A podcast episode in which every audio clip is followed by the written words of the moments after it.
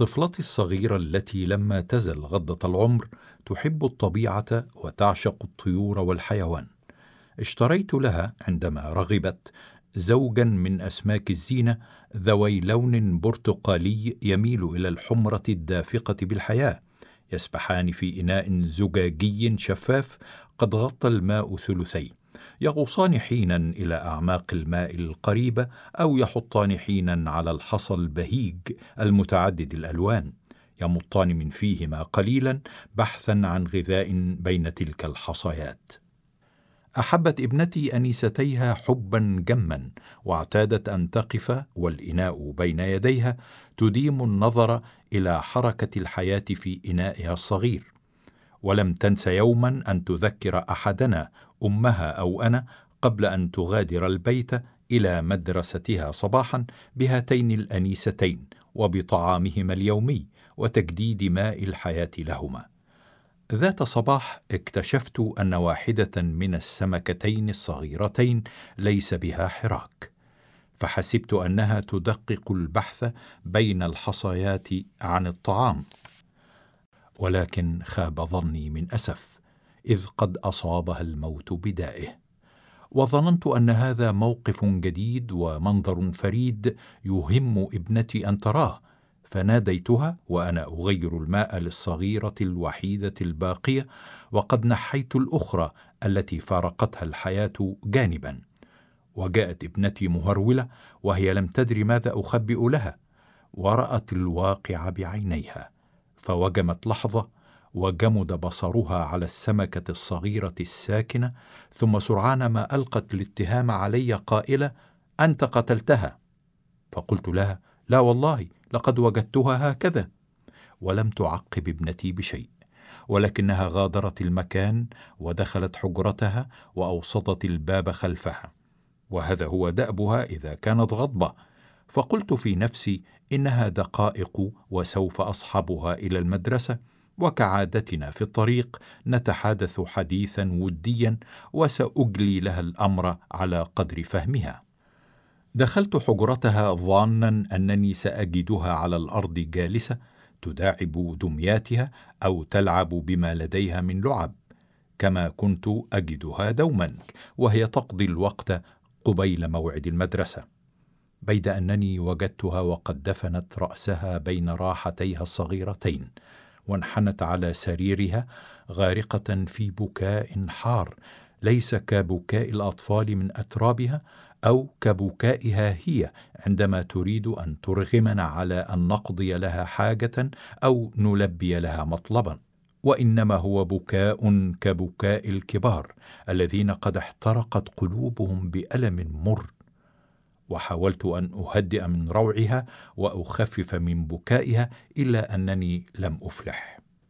فهي لا تبكي من أجل نوال شيء فينتهي البكاء بوعد مني وإن كان غير صادق أحيانا ولكنها تنتحب لأنها حزينة حقا أن واحدة من أنيستيها قد فارقتها وأسديت لها وعدا بأنني سأشتري لها أخرى أكبر وأجمل ذات ألوان زاهية. ويبدو أن إغرائي لم يجد له صدى لكنها ارتمت إلى صدري وقد خنقها النشيج هكذا أدركت ابنتي معنى الموت. لقد شاهدته بعينيها وقد سلب سمكتها الصغيرة الحراك. فلم تعد تسبح أو تغوص أو تطفو أو تداعب شقيقتها الأخرى. وبعد أن كانت صغيرتها تعيش في الماء في إنائها الأبيض الجميل أصبحت لا يناسبها هذا الإناء ولا هذا الماء وإنما مكانها الآن كما أخبرت ابنتي أن نلفها في كيس صغير ونلقيها في صندوق النفايات إذ إنها سوف تزكم أنوفنا برائحة كريهة لو بقيت مع شقيقتها الأخرى جنبا إلى جنب في الماء. هكذا عرفت طفلتي مصيبة الموت عندما فارقتها سمكتها الصغيرة ولذلك بكت ولذلك كان بكاؤها حارا فهو بكاء حزن وأسى وليس بكاء من أجل مطلب. لقد أتت تجربتك مع الموت يا بنيتي جد مبكرة ومن قبل كان لأبيك تجربة أخرى معه. رآه بيد أنه لم يدركه وأدركته أنت رغم أنه كان يكبرك بأربع سنوات عندما سعى إلى بيتهم. سعي لص يتحسس الخطر خوف أن يفضحه ضوء أو عين. كان أبوك طفلا طريا قلبه ككل الأطفال في سنه يروح ويغدو في بيتهم أو خارجه مع أنداده. وفي ذلك اليوم كان أبوك يلعب في البيت فهو في عطلة الصيف بعد أن انتهى من دروس السنة الرابعة الابتدائية. وكان جد سعيد بالعطلة بعد أن مر العام الدراسي ومر معه درس قاس لم يعرفه من قبل. ذلك أنه قد غاب بعد موعد المدرسة عن البيت مدة لم يذكر إن كانت طويلة حقا أو قصيرة لكنها كانت طويلة في عرف أبيه. وعاد أبوك إلى البيت طفلا لا يدري ماذا سيجد في انتظاره. وتلقاه جدك سأله وتكلم إليه قليلا لكنه لم ينتظر منه ردا وعاجله بضرب قاس على ظهره بعصا سوداء ما زال كرهها كلما رأى مثلها كمين قلبه. كان أبوك في ذلك اليوم اذا سعيدا لأنه يلعب في البيت ولن يضطر إلى الذهاب إلى المدرسة فيغريه اطرابه باللعب فيغيب عن البيت فيلتهب ظهره بلسعات العصا المقيته مرة أخرى. وطرقت الباب زائرة. كانت سيدة سمراء ضخمة الجسد ملفوفة في لباس أسود متلفعة بخمار أسود كذلك. وتحدثت إلى جدتك حديثا سريعا وفي عينيها قلق بل اسى لاح منهما كلما نظرت إلى جدتك وهي تكلمها. وجرت جدتك على إثر الحديث إلى الدور العلوي وجرجرت ثوبا من ثيابها وجرجرت في يدها الأخرى ذراع أبيك. واستسلم أبوك ليدها وأحس بقلبه مرارة شديدة وامتلكه خوف رهيب. هناك في مستشفى المدينة الكبير ذي الرائحة المقيتة إلى نفس أبيك رائحة الدواء والدم والقطن والمرض رقد أبوه على سرير صغير وقد شدت ذراعه إلى حلقة مدلاة. كان صامتا كان ساكنا كان طيبا. تلوح على وجهه سيماء أبوة حنون. فتح عينيه مرة واحدة ونظر إلى جدتك ولمح أباك وإخوته ثم أغلقهما ولم يجده أبوك قد فتحهما بعد تلك المرة أو بعد ذلك اليوم أبدا. حملتنا سيارة إلى البيت وعاد أبوك إلى بيتهم. امتلأ البيت واكتظ بنسوة الحارة. كلهن يلبسن لونا واحدا هو السواد وكلهن قد اكتسين وجوها جامدة. جلس أبوك على عتبة البيت لا يلعب ولكنه منكس الرأس ولا يدري لماذا ورفع رأسه مرة فوجد جارتهم تنظر إليه نظرة لم يدر معناها إلا عندما اقترب من العشرين. وكما اكتظ البيت بالنسوة اكتظت أرجاؤه بالبكاء والصراخ والعويل والنشيج واختلطت جميعا لتنشئ ايقاعا رتيبا كئيبا. ودخل رجال وخرج رجال وجاء جدك إلى البيت. جاء هذه المرة هادئا كعادته لكنه لم يفتح الباب بنفسه بل فتحه رجال آخرون. ولم يأت كعادته بمفرده بل سبقه رجال وأعلن قدومه بكاء.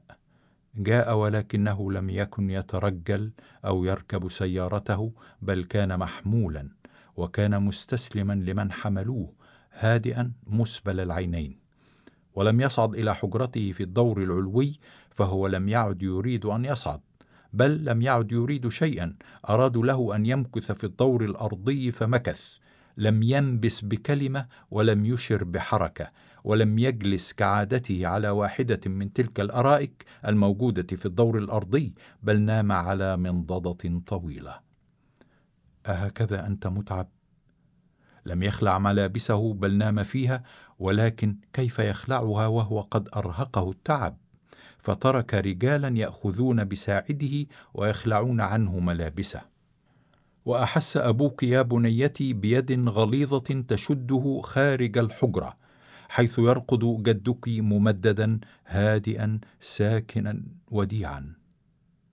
وتألم أبوك فلو كان جدك متيقظا لو لم يكن متعبا لما شدته تلك اليد الغليظة وجذبته إلى الخارج مثل هذا الشد والجذب. لو لم يكن جدك متعبا نائما لكان أبوك الآن في حضنه وإلى صدره مرتميا. لا أريدك يا أبي أن تنام طويلا أو أن تكون متعبا. أريد أن أضع راحتي الصغيرة في كفك الدافئ. لا تنم يا أبي طويلا. قم بالله عليك ورد عني هؤلاء الرجال الغلاظ الشداد قم بالله عليك لا تكن هادئا انهرني بصوتك فأنا أريده أن يرن في أذني اضربني حتى بعصاك فأنا أحب يدك وهي ترفعها لا أحبها ساكنة إلى جوار جنبك قم يا أبي وادفع عني. ولم يقم جدك. ألم يسمع؟ لعله سمع لكنه متعب. ومرت ساعة أو نحوها وفجأة تغير الإيقاع الرتيب وعلى النواح وغصت الحلوق بحشرجة وهبت النسوة وخرج جدك يا بنيتي من الحجرة التي أرادوه أن يقضي فيها وقتا. خرج لكنه هذه المرة كان ملفوفا في ثياب بيض. لماذا غطوه هكذا؟ لماذا غطوا وجهه وعينيه وأنفه؟ أتراك تحب أن تكون هكذا مغطى يا أبي؟ أتراك لا تحب أن نرى وجهك الطيب الوادع؟ أتراك لا ترغب في أن تنظر إلينا نظرة واحدة قبل أن ترحل كما عودتنا؟ لماذا تركت هؤلاء الرجال يغطون وجهك؟ لماذا تركتهم يلفونك بهذه الثياب البيض؟ لماذا تركتهم يضعونك هكذا في صندوق؟ أو قد عزمت على مغادرتنا يا أبي؟ لابد أنك ستعود. متى ستعود يا أبانا؟ إن قلبك الحنون لا يدعك تتركنا هكذا وتغادر. أو قد عزمت على الرحيل؟ إذا دعنا نحن نودعك نسلم عليك نقبل يديك. دع أمي شريكتك تقبل جبينك. رد هؤلاء الرجال عنها إنهم يدفعونها دفعا بعيدا عنك. أو تدري أنها اليوم متهالكة؟ لماذا تتركهم يحولون بينها وبينك؟ رد هؤلاء الرجال الذين لا يريدوننا أن نقترب منك. ننظر إليك. وهكذا خرج جدك يا بنيتي وهناك في أقصى أطراف المدينة رقد وسكن. ليس على مرقد وثير كمرقده في بيتنا بل على التراب. ليس بين زوجه وبنيه بل وحيدا. ليس خلف باب يفتحه وقت ما يريد بل خلف صخرة كبيرة لا تلين لآدمي وحيدا وحيدا بين تراب وظلمة ووحشة ما أقساها. ماذا نفعل له؟ كيف نخلصه؟ لقد علمنا يا بنيتي قبل أن يموت وكنا نراه دوما يفعل أن نقرأ القرآن وأن ندعو به لموتانا. وهكذا يا أبي أصبحت واحدا منهم ندعو لك بالقرآن بعد أن كنت واحدا منا تدعو معنا به لمن سبقنا إلى الموت. وهكذا يا بنيتي عليك أن تفعلي يوما ما لأبيك مثلما فعل هو لأبيه بأن تقرأي له قسطا من القرآن وأن تسدي له خالص الدعاء.